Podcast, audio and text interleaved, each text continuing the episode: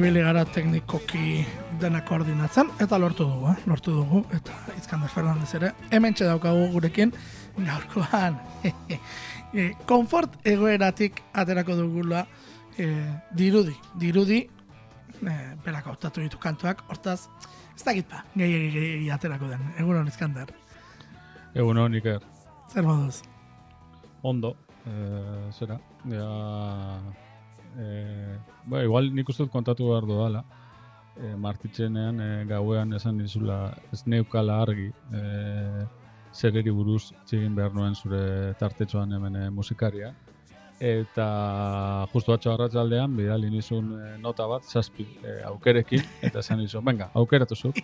Eta ikarriek e, aukeratu zuen, e, ba, aukera bakarra zegoena bideratuta nire zera, nire placer iskutuak edo edo placer errudunak. Guilty e, pleasureak esaten dena, Hori, guilty pleasureak e, argitaratzeko edo, edo, edo publikaratzeko. Eta hemen nator, ba, lau kantekin, nau, gaur nik uste dut ez naizela e, aditu bat. Normalean askotan ez naiz izaten, baina gaur bai egon naizela hemen, ba, bueno, purtxe dute defentsan, baina, bueno, ekarritut niri gustatzen zaizkidan e, lau kanta, eta agian e, inork ez ditu lotuko eskantak, ez e, artistak nirekin. Bai, bueno, izaten da, ez, horrelako gauzak gertatzen dira, eta eta, bueno, ba, kasu honetan, ba, guilty pleasure ningunan itzen du, eta guilty pleasureak, bueno, izaten dira, ez. E, nola ere, denok izkutuan izaten ditugun gauzak, zure kasuan, e, bueno, ba, ba, aukeratu dituzunak, gehiago ere izango dira, esango dugu, e, justu, kasualidadea. Esango du poparen munduko, ez, nik popa, esango dugula direla, poparen munduko lau emakume, hautatu dituzula, bueno, zerrendan oie jarri zen ezkidan, e, nik beti esan dut, nire kasua ezakit guilty pleasureik baute dudan. Eta, eta arrazoia simplea da. E, normalean, guilty pleasureik ditudanak ere lotxari gabe, esaten ditudala hortaz, ja ez dira guilty ez da. Bai, bai, nik nire uste guilty pleasureak be ez dira, baina bueno, hori zera, termino erabiltzen dugu horrelako gauzak azaltzeko. Baina nire kasuan da gehiago, nik uste nirekin ez, eh, ez diren eh, kantak eh, izango direla, ez, edo lotzen ez direnak. Eta, bueno, aipatu zu pop, nik uste dut, bueno, garai bateko mainstream eh, dibak, bai, intxungo ditugula. Eta gaur egungo bat, oso nik uste dut agian e, gaur egun dagoen handien nadala. Eta gero beste bat, ba, bueno, ez dakit nik hor pop, pop hasiera baten bai, baina gero ja galdu da bere, bere herrialdeko folkean eta Ego Amerikako folkean. Eta bueno, oso lan interesgarriak, iaz argitaratu zuen dan bikain bat. Eta, eta bueno, e, bere bidaia egin zuen, popetik e, zera, folk musikara bueno, horlakoak ere izaten direlako. Eta lehen tokian, bueno, e, bat ematek esango du, gaur berriro, bueno, ba bai, gaur berriro, e, oso oso arraroa delako, ez, e, izkanderrak, holako artista bat aukeratzen, eta, eta gainera esango du, beste zerrenda batean ere aukeretan bat zegoela, hortaz, nahi zuela nola ere karri, berak hautatu gabe, zuena izan, hautaketaren errudun, e, ze bueno, Shakira aukeratu duzu, e, bitxia iruditu zait, baina egia da, e, aukeratu zuen garaikoa ulertu dezake dela, eh? San dut. E, 2000 eta amaikako kantu bat dauk, errazpaldi mana izau. E... Buruzari naiz. Baina esango nuke hortxe izango dela. 2000 eta bost. 2000 eta bost. Puh, ez, bai. egia da, hori 2000 eta maikakoak besteak dira. 2000 eta bost egia, egia, egia, 2000 eta seian etorri zen gero. Bai, bai, bai, bai. Bai, ostras, eh, naztu dut lobaren garaiarekin. Bai, hori, hori, bai. Naztu dut, ez, aurreko garaia. Hori, bai, ez dakit, lobara ja ez nuen jarraitu. Horregatik ez, 2006an, esango dugu ez, eh, bostean atera erren, bost, seian, eh, bueno, la tortura dut hips don't lie bezalako eh, kantuak ez, ibilizirela bolo-bolo munduan, ez, bi kantu horiek batez ere. Hala ere, zuk aukeratu duzu, bueno, fijazion oral, volumen unoko kantu bat hau da, e, gazteleraz egindako diskoko kantu bat aukeratu duzu.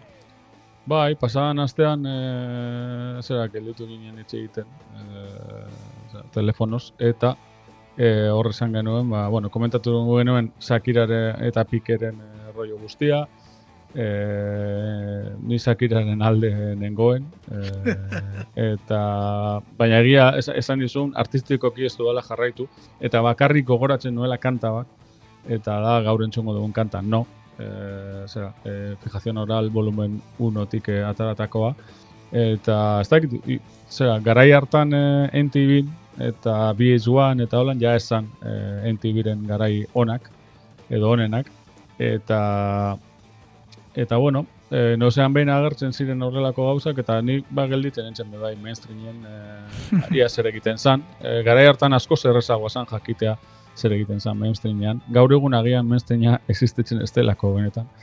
Edo hain zabala da, ba, ba gatsa dala, e, deskribatzea zer da mainstreamea gaur egun.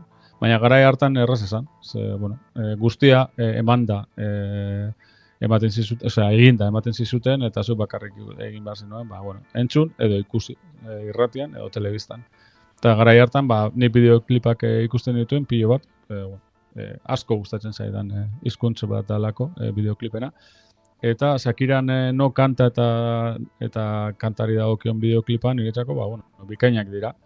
Naiz eta Sakirarekin ez dakit horren besteko zer ikusirik e, dit, osea, dituzten, bai kanta eta bai e, bideoklipa. Ze azkenean, e, Sakira beste motatako e, abeslaria izan da bere karreran zehar, baina justo hemen oso iluna, Bai, e, irudi aldetik be bai, nik ez dut oso indi, oso dramatiko dala, eta kantaren amaiera be bai, e, instrumentu guztiak sartzen direnean, niri nola bait, ekartzen e, doste burura larogeita, ez larogeita maikako, zera, e, amarkaren hasierako, e, zera, musika independientea eta, eta alternatiboa. Eta betidanik, bueno, gero, kanta badeko, eh, bere misterioa, ze guk aipatu genuen, pikeren gauza, hemen, eh, azkenean, agertu zen bere lehenengo nobia, eh, Oscar Ulloa izeneko eh, gizon bat, telebistan esaten, ba, no kanta berari eh, dagoela, eh, zera, eh, dedikatuta, ba, bueno, Sakiraren lehenengo amodioa izan zalako horrelako zerbait, así que, bueno, hemen eh, ez da holango eh, ez da reproche bat, ez da e, pikerekin e, egindako zeo zer, baina bai dala autobiografia, que Shakira kantza badauka e, joera autobiografia egitera. bai, eta esango dugu, eh, kantu honetarako, bueno, Gustavo Ceratirekin elkartu zela, Argentinarra, 2008an hil zena, eh, bueno, gazte, hil gainera, Okarrezpaldi ez eh, berrogeita bost, berrogeita ma bost, markatu urte zituen.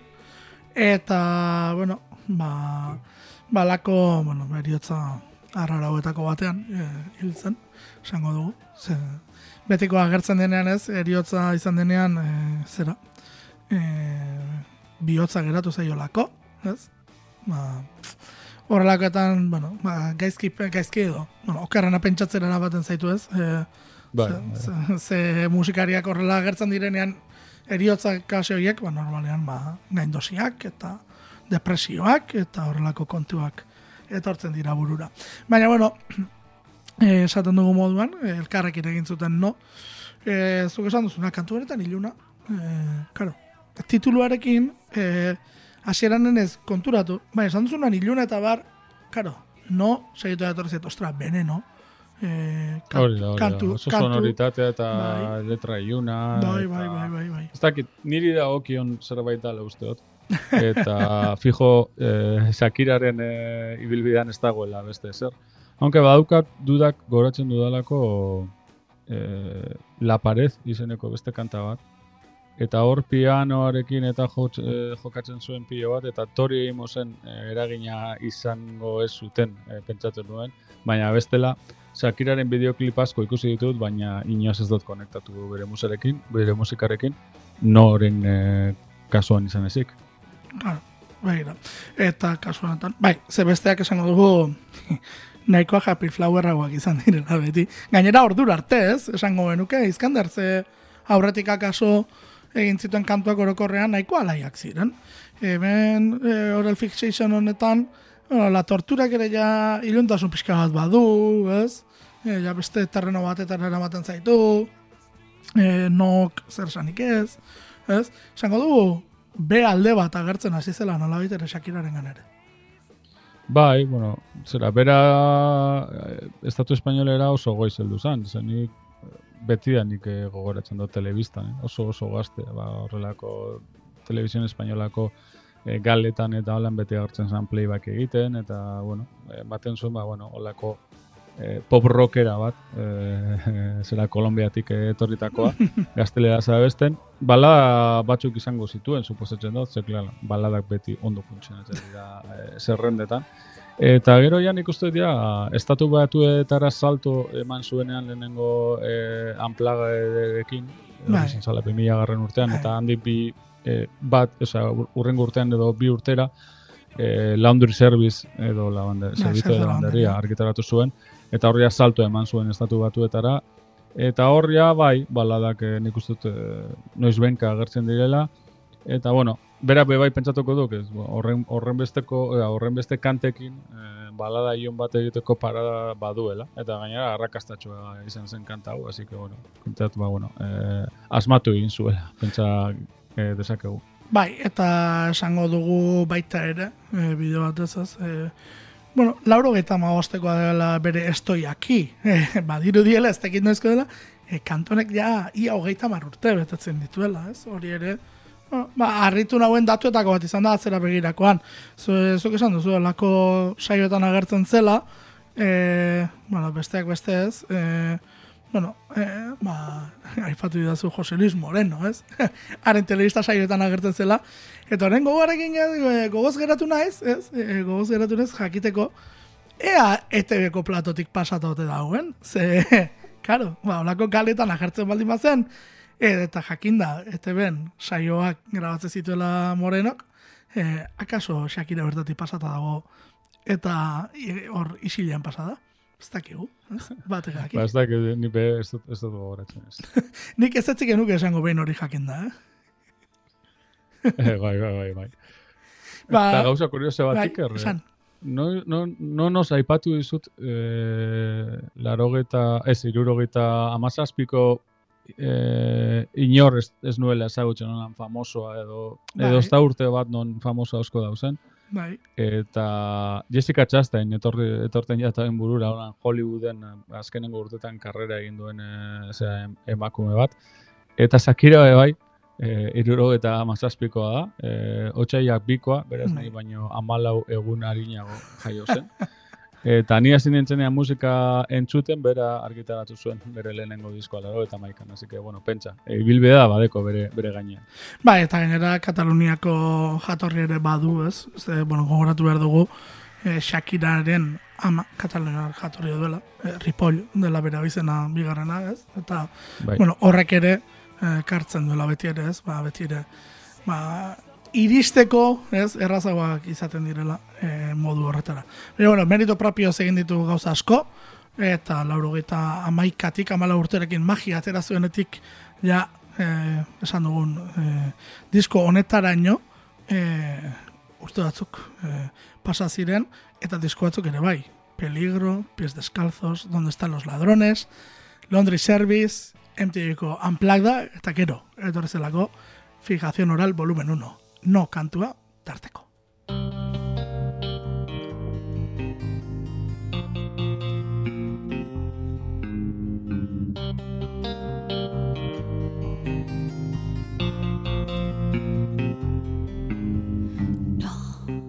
No intentes disculparte, no juegues a insistir. Las excusas ya existían antes de ti. No, no me mires como antes, no hables en plural. La retórica es tu arma más letal. Voy a pedirte que no vuelvas más. Siento que me dueles todavía aquí. Que a tu edad sepas bien lo que es romperle corazón a alguien así. No se puede vivir con tanto veneno. La esperanza que me da tu amor no me la dio más nadie,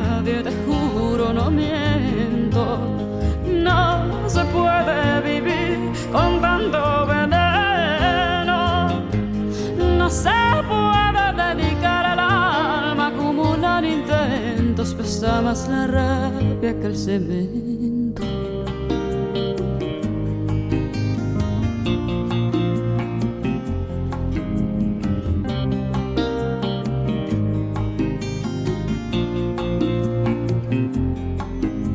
Espero que no esperes que te espere después de mis 26. Paciencia se me ha ido hasta los pies. Y voy deshojando margaritas y mirando sin mirar. Para ver si así te irritas y te vas. Voy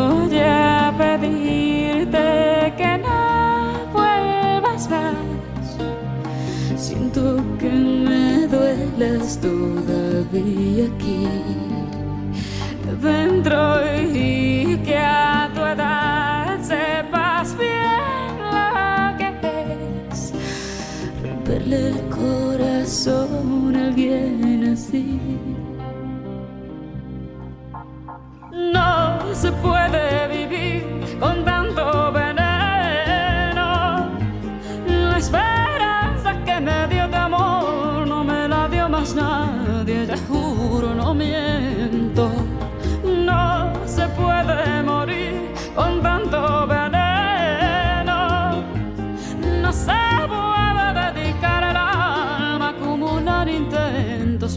más la rabia que el cemento.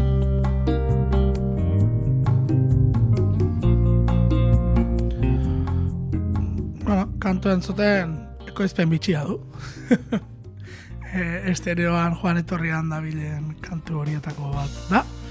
E, bueno, ez nintzen sekula fijatu. gaur arte.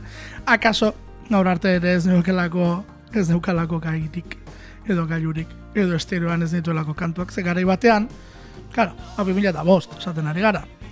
2000 eta bostean deskargatzen genuen musika hura, e, ziurrenik monoan deskargatzen genuen, kalitate txarrean. Ez? Aldatu dira hortun dekoraren gauzak. Zorionez. Eta, eta horre badago. E, ala ere, e, kantu hau izkander, pozik entzungo nuke, gaur egun Shakira kantatzen duen moduan. Bai, bueno, e, egia esango izut eta eske ez dakit zelan kantatzen duen gaur. E, gaur egun ez du hain nasal kantatzen. Mm. Esan nahi dut, orduan, na, baruraka bezala ez, e, Bai, bai, bai, bai. egiten du eta bere estiloa zen, eh, bere marka zen. Nik Bai. dut, argi eta garbi zela, zela bere marka. Eta nik esango nuke gaur egun ez duela hainbeste, osea, teknikoki beste modu batera egiten duela. Eta hotxeren timbre ez zaio gehiagi aldatzen. E, ez dakit. E, ahots nasal grazia puntu bat bazen, baina nekatu ere egiten zidalako, eh? E, Bai, seguro, bai, bai, bai. bai. Orduan, horregatik esaten dut, ba, bueno, ga, kantu ez dela, kantu puska bada, eh? Hori, Bai, bai, bai, nik uste dut, zera, zeratik bai bere, zeratik bitxi zuela bere, bere, bere astarna eta ekoizpenaren aldete be bai, bon, ba, bere gauzak e, ipiniko zituela, eta nik uste dut kanta bikain, oso suinu bikain dauk, daukala, eta eta nik uste dut horrelako kantak eta horrelako soinua duten kantak ez, ez direla asko e, bere diskografian, e, baina egia esateko, bueno, e, singleak baino ez ditut ezagutzen, eta seguramente ez guztiak.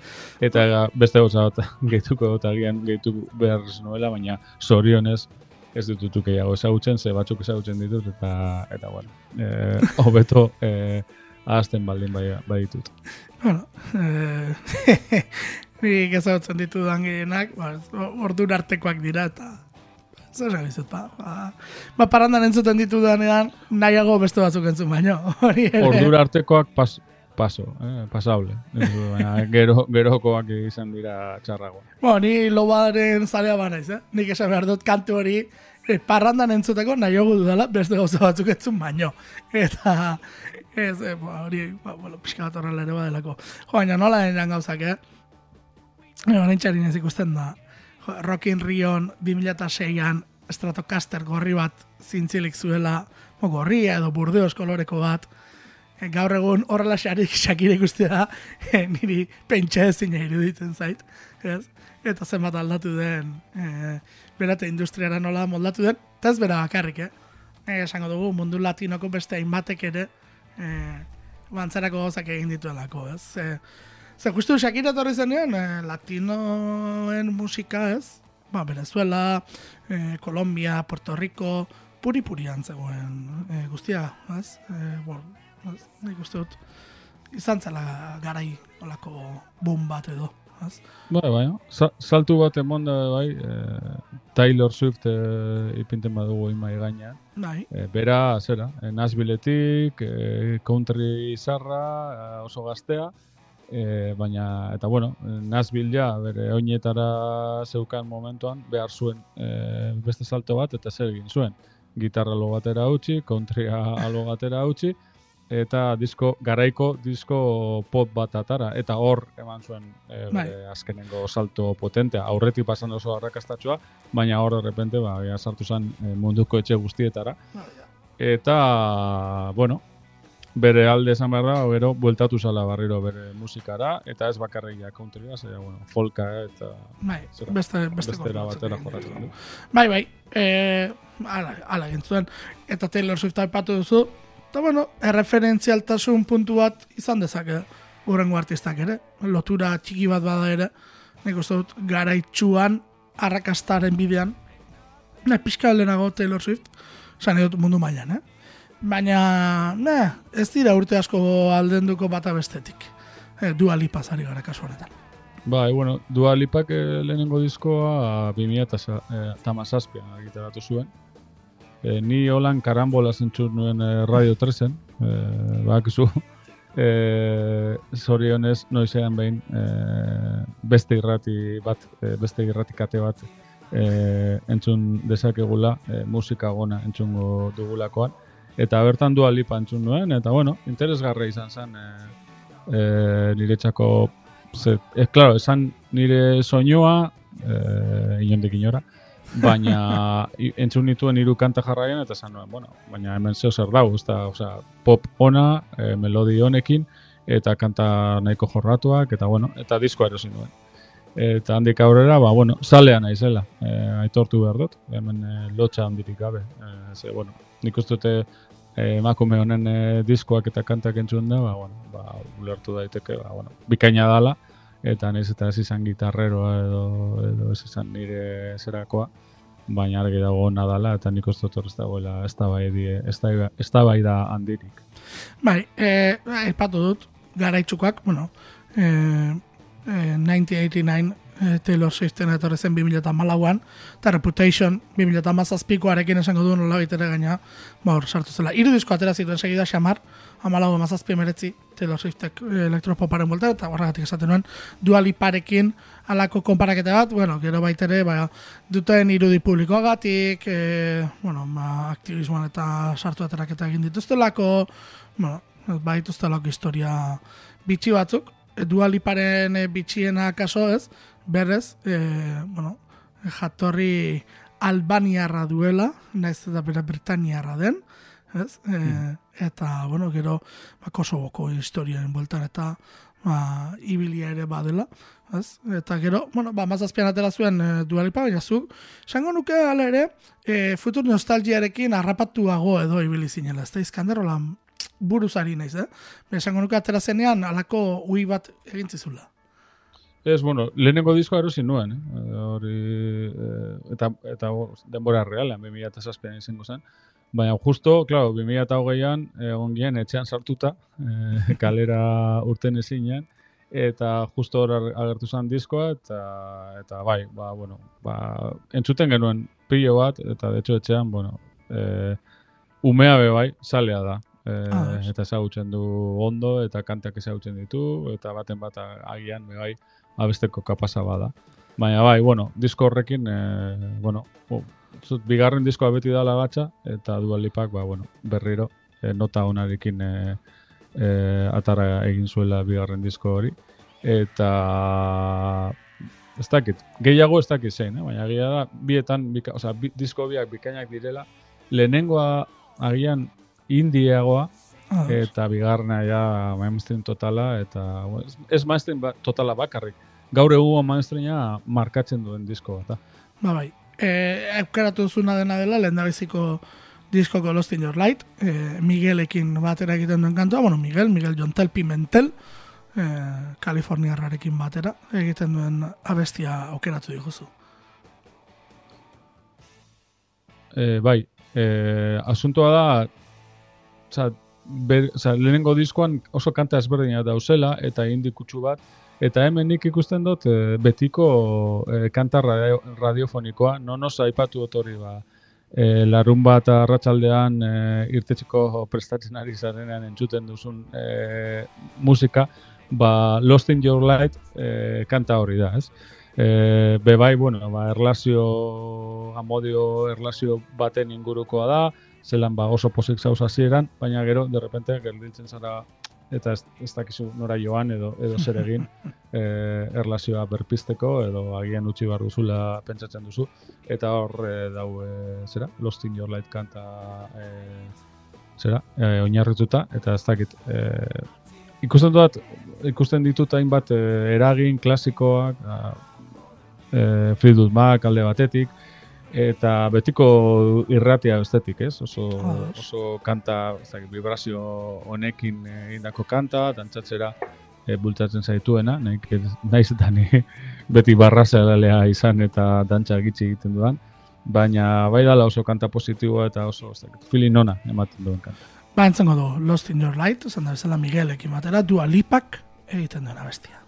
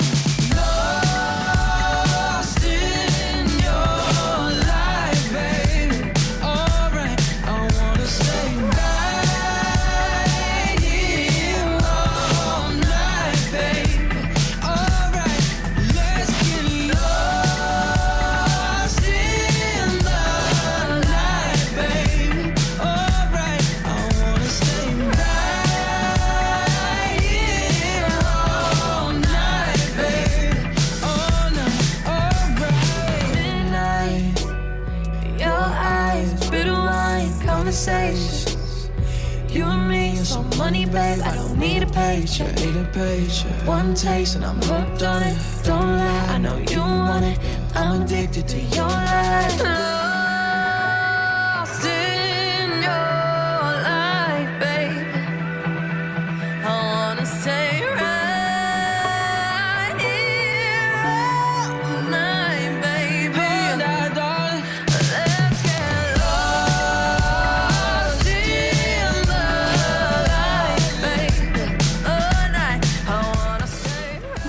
Esango dugu, akaso etzela kanturik ezagunen hau izan, eh? Hori ere, bueno, bai, Bai, bai, horregatik. eh. Nik uste dut, e, ba, disko horretan akaso New Rules izan zela, ez? Gehien jo zuen kantua. Ba, batean eta bestean asko zabaldu zen kantua, eta ez zen berez kantua zu erresa. Nik horregatik e, egiten dit gerrazia puntu bat, ez? Askotan esaten denean zer den radioformula eta zer ez. E, nik New Rules ez dut konsideratzen radioformulako kanturik errazena. Eta gero beste batzuk zabat oztopo jasau berri izatit dituzten, ez? E, radioformulagoa edo entzungarriagoa edo izan, e, nola ere errazago entzuteko, eta ez dituztenean jartzen, ez? Bueno, ba, bitxia, bitxia bintzat bada gutxienez. Bai, Lost in Your Light hau izan zen, nik uste dut, ze buruz e, e, esango dut betiko moduen, zeigarren singela diskoarena, eta New Rules izan zen aurreko singela, bosgarrena. Eta, eta holan ez bada, esango oso jarraian joan ziren singleak izan ziren. Eta bueno, zuk aipatutako alde biak hor daude. E, New Rules ez zen radioformula, Lost in Your Light bada radioformula nik uste dut, Bai, eta asko hobeto funtzionatu zuen e, e, New Rules e, Lost in Your Light e, baino.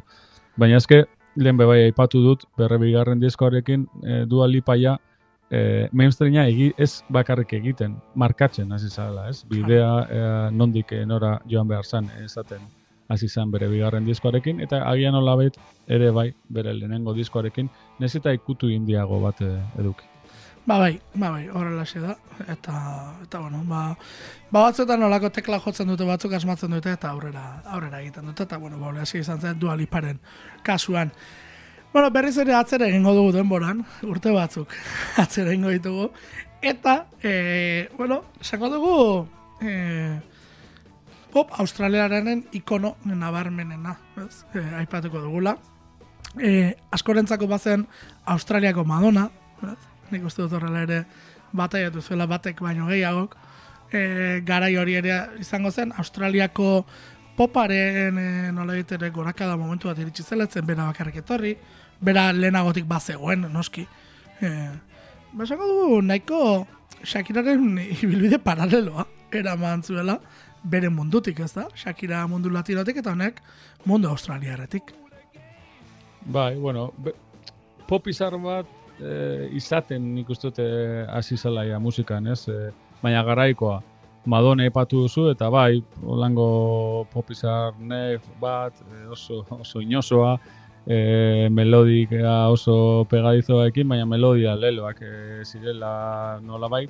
Eta nik uste bere ibilbidea apurbet agortuta zegoenean eta produktoreak eta holan, ba, bueno, pentsatu zuten, bueno, ja heldua da eta guk ja hemen ez daukagu zer eginik, ze ja esprimitu dugu guztia.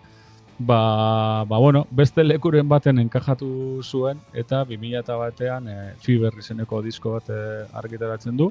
Aurretik baseukan ja bideo horretan e, e, zera, antxerako disko bat, behintzat, baina Fiber 2000 batean izan zen, bueno, arrakasta itxela, estatu batuetara e, sartzen lortu zuen, eta eta bueno, Australian ba nik uste dut eh, osea, artista handiena dala eta gehien saldu duena eta arrakasta gehien izan duena eta betu Australian be bai ba bueno, artista batzuk dauzela. Bueno, ACDC baino gehiago salduko zuen Kylie Minoguek? Eh irakurri noen beste gunean, baietz, bera dala, zera, Bai. Australiako, osea, artista nagusiena, gehien saldu duena, ge, eta, bueno, ezke harrigarria da, zelan, e, ni esnekien, baina, baina Inglaterran eta holan, Claro. betidanik, lehenengo zenbakietara e, Bai, hori bai. zan, disko guztiekin. Bai, bai, bai, bai. a- a- igual, heldu, zi, zi, osea, entzun genituen lehenengo biak edo hirurak eta gero de repente e, 2000 batean Fiber. Bai. Baina tartekoak, eh, larogeta maik, ah, larogeta margarreneko Bai, bai, bai. amarka, Laurogeita hamarreko hamarkadako diskoa, diskoak, Eh, I should eh, be so lucky, entzun, ez? zinik ez dugu gogoratzen. I should be so lucky, kantua, kantua oso ezaguna gintzen. E, e, nik uste dut e, gerora, ko, nik adiez gerora jargei nuen. Esan dut, ni fiberren garaikoa naiz. Karo, baina amar urte lehenago atera zuen, ez? Ba, I should be so lucky, edo ta delako motion, edo ta hand on your heart, bezalako kantuak orduan atera Bai, horrik. Ez? Eta, eta gero etorri zen. Horrik la- larogei garren eh, amarkadakoak. Hori, bukaera, hori da. Urrengo amarkadarainak, hor, ba, Inglaterran, jarraitzen zuen arrakasta izaten, eta Australian, claro. Baina gero mundu mailan ni bentsat ez dut ezer gogoratzen, eta errepente 2000 eta, eta batean, ba, barriro. E, oza, arrakasta itxela lortzen du, e, single pillo bat argitaratzen ditu disko berdinarenak, eta bueno, e, zera, arrakasta handiena, Can't Get eh, You Out of My Head. E, gero eh, In Your Eyes, Netzako injoraiz da eta, kantua. eta hirugarren singlea izan zona Love at First Sight eh, entzungo Bai. dugu, ba, Bai. beste, beste kantatxar bat. Bai. Eh, zera, pope, popa, poparena, eh, zera, Kraftwerken eh, influentzia duela esango nuke, disko hau, bai estetikoki eta bai nola eh, momentu batzuetan eh, sartzen dituzten samplerrak eta horrelako efektuak eta baina bueno, dantzatzeko musika zen. Beraz, eh, nik bakarrik bideoklipetan eh, gozatu dut, zen ni dantzatzen. Esan dudan ez, ba, ez naz trebeia eta gainera barrako, zera, barrako postura hori hobeto, hobeto betetzen. Bueno, hemen, nahi, nahi, hemen justu dantzatu, dantza egin bertzen, eh, ez zegoen beste aukerarik. E, edo hori, edo izkutan gorde. E, ni lehen da bizikotakoa, zu bigarren gotakoa diro dienaz. E, ni asko dantzatu nuen, Kylie Minogue gara joietan, eta ez Kylie Minogue bakarrik, esaten dut, eh, gara joietan gehiago ere etorri zirelako. E, popa zabaldu zuen, baina justu Eurodantzaren bigarren zati bat ere etorri zen gara joietan, etorri zen e, Kate Ryan bezalako artista bat, e, Bai. dugu ez, e, Alice Frantzian ere hor agertu zen, e, Malolita kantuarekin, e, hor bat ziren batzuk, ez, ba, poparen bueltan, kantu dantzagarriak egiten saiatu zirenak. Hala ere hori, esan dugu, Madonaren isilunetxo batean etorri zen Fiber, ez, eta, eta bueno, ba, ba, poparen printzesa, bezala, bataiatu zuten, erregina egon bazegoelako. Entzengo dugu, Love at First Sight, Kylie Minoguena.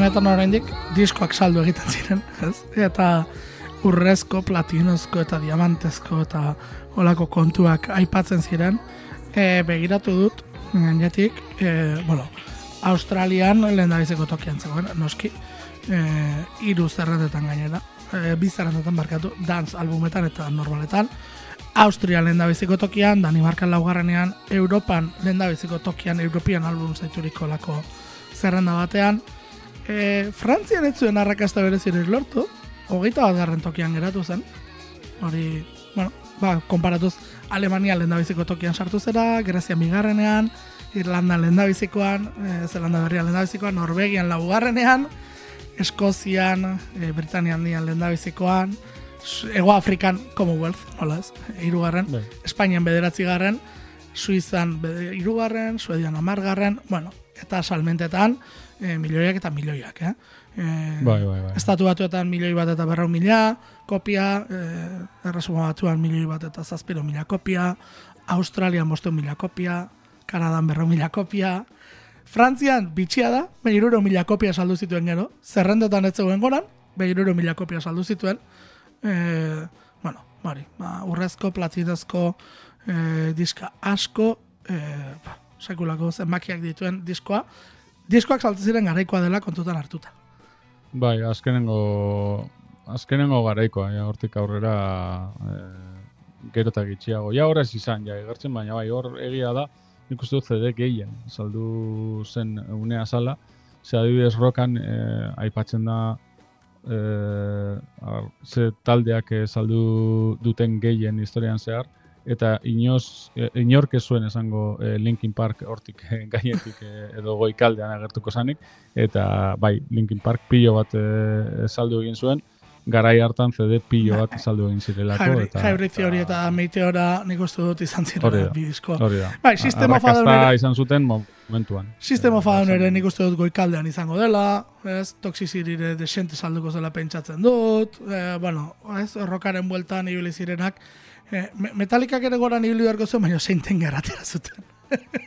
Bai, ez sorte txarra Metallicaren zat, ez zuten diskoarekin asmatu, ez?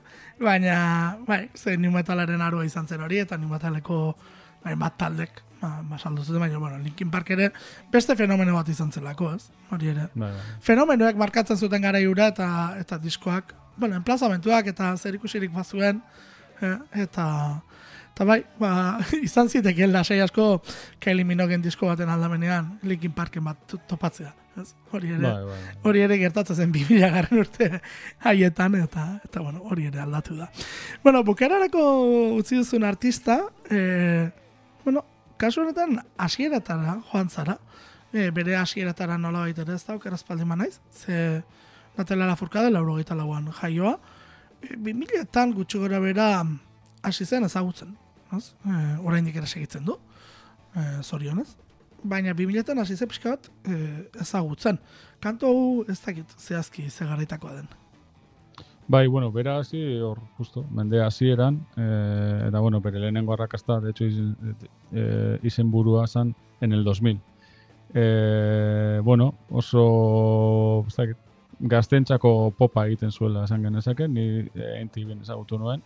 Eh, suposatzen dut NTV latinoan ezagutu nuela. Bai, Eta, da. bueno, ez dakit, eh, kanta ona da, eh, oso inosoa alde batetik, baina gero oso ondo grabatuta, eta gero diskoan, ba, bueno, eh, errefe, garaiko referentzia asko daude, draman basa, eh, adibidez gogoratzen dut, eta, bueno, pop, indie popa, eta, baina gero bera apurka-apurke joan zen, ba, bueno, ego Amerikako eta Mexikoko musika eta folklorera eh, bere eh, ibilbidea bideratzen, Eta handik boste urtera edo horrela, argitaratu zuen, bere benetazko azkenengo diskoa, e, ze, bueno, 2002an e, Natali Laforcade oso gaztea zala, gero hor erdian talde batekin bebai zer egin zuen, 2009an hu hu hu, 2012an Mujer Divina, eta 2015an Hasta la Raíz, eta e, zera, diskoari izenburuan baten dion kanta entzungo dugu Hasta la Raíz, Esango dugu Eta Grammy, aurrera, Grammy bat ere repente, irabazi zuela. 2007an,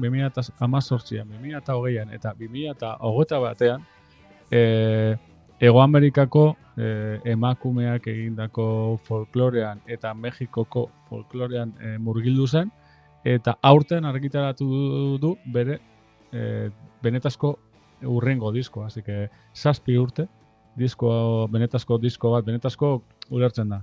Berak konposatutako disko bat argitaratu gabe, eta hecho irakurri nuen artikuluren bat, nola jo behar zuen New- Yorken, e, Carnegie Hallen, eta oso urduri zegoen, e, esaten zuelako, ba, bueno, ez zuela sinisten, zazpi urte eta gero, bere kantekin, e, zera, Nova Yorken, Manhattanen, Carnegie Hallen e, jotzeko aukera e, izango zuenik, eta, eta bueno, zera, e, iaz e, de todas las flores disko argitaratu zuen, eta benetan e, disko bikaina da, e, zelako soinua, zelako musikariak, eta zelako kantak.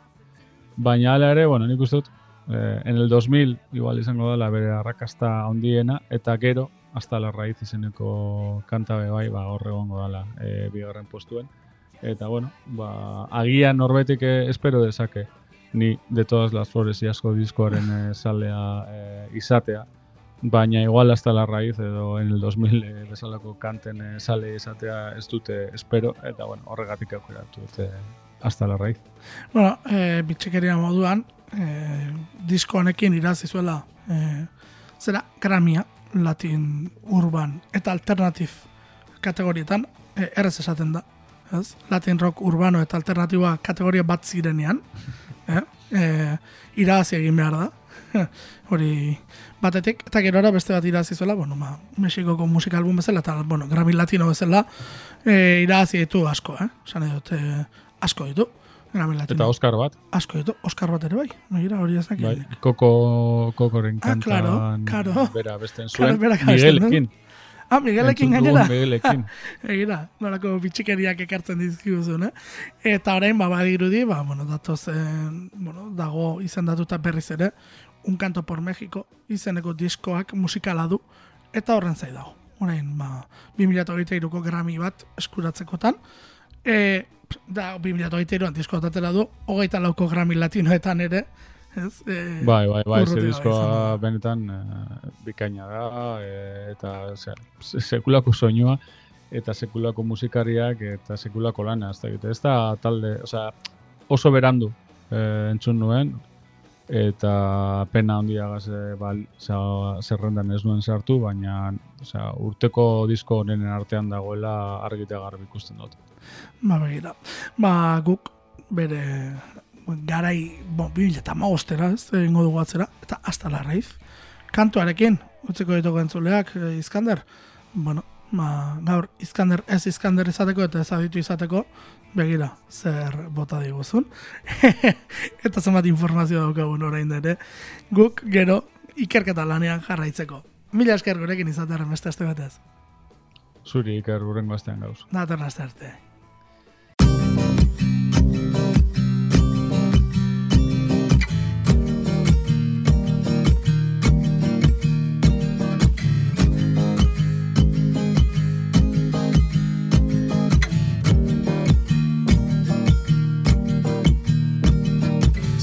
Cruzando ríos, andando selvas, amando el sol. Cada día sigo sacando espinas de lo profundo del corazón. En la noche sigo encendiendo sueños para limpiar con el humo sagrado cada recuerdo.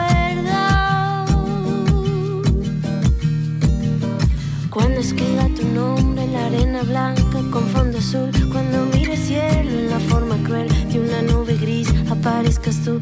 Una tarde subo una alta loma, mire el pasado, sabrás que no te he olvidado.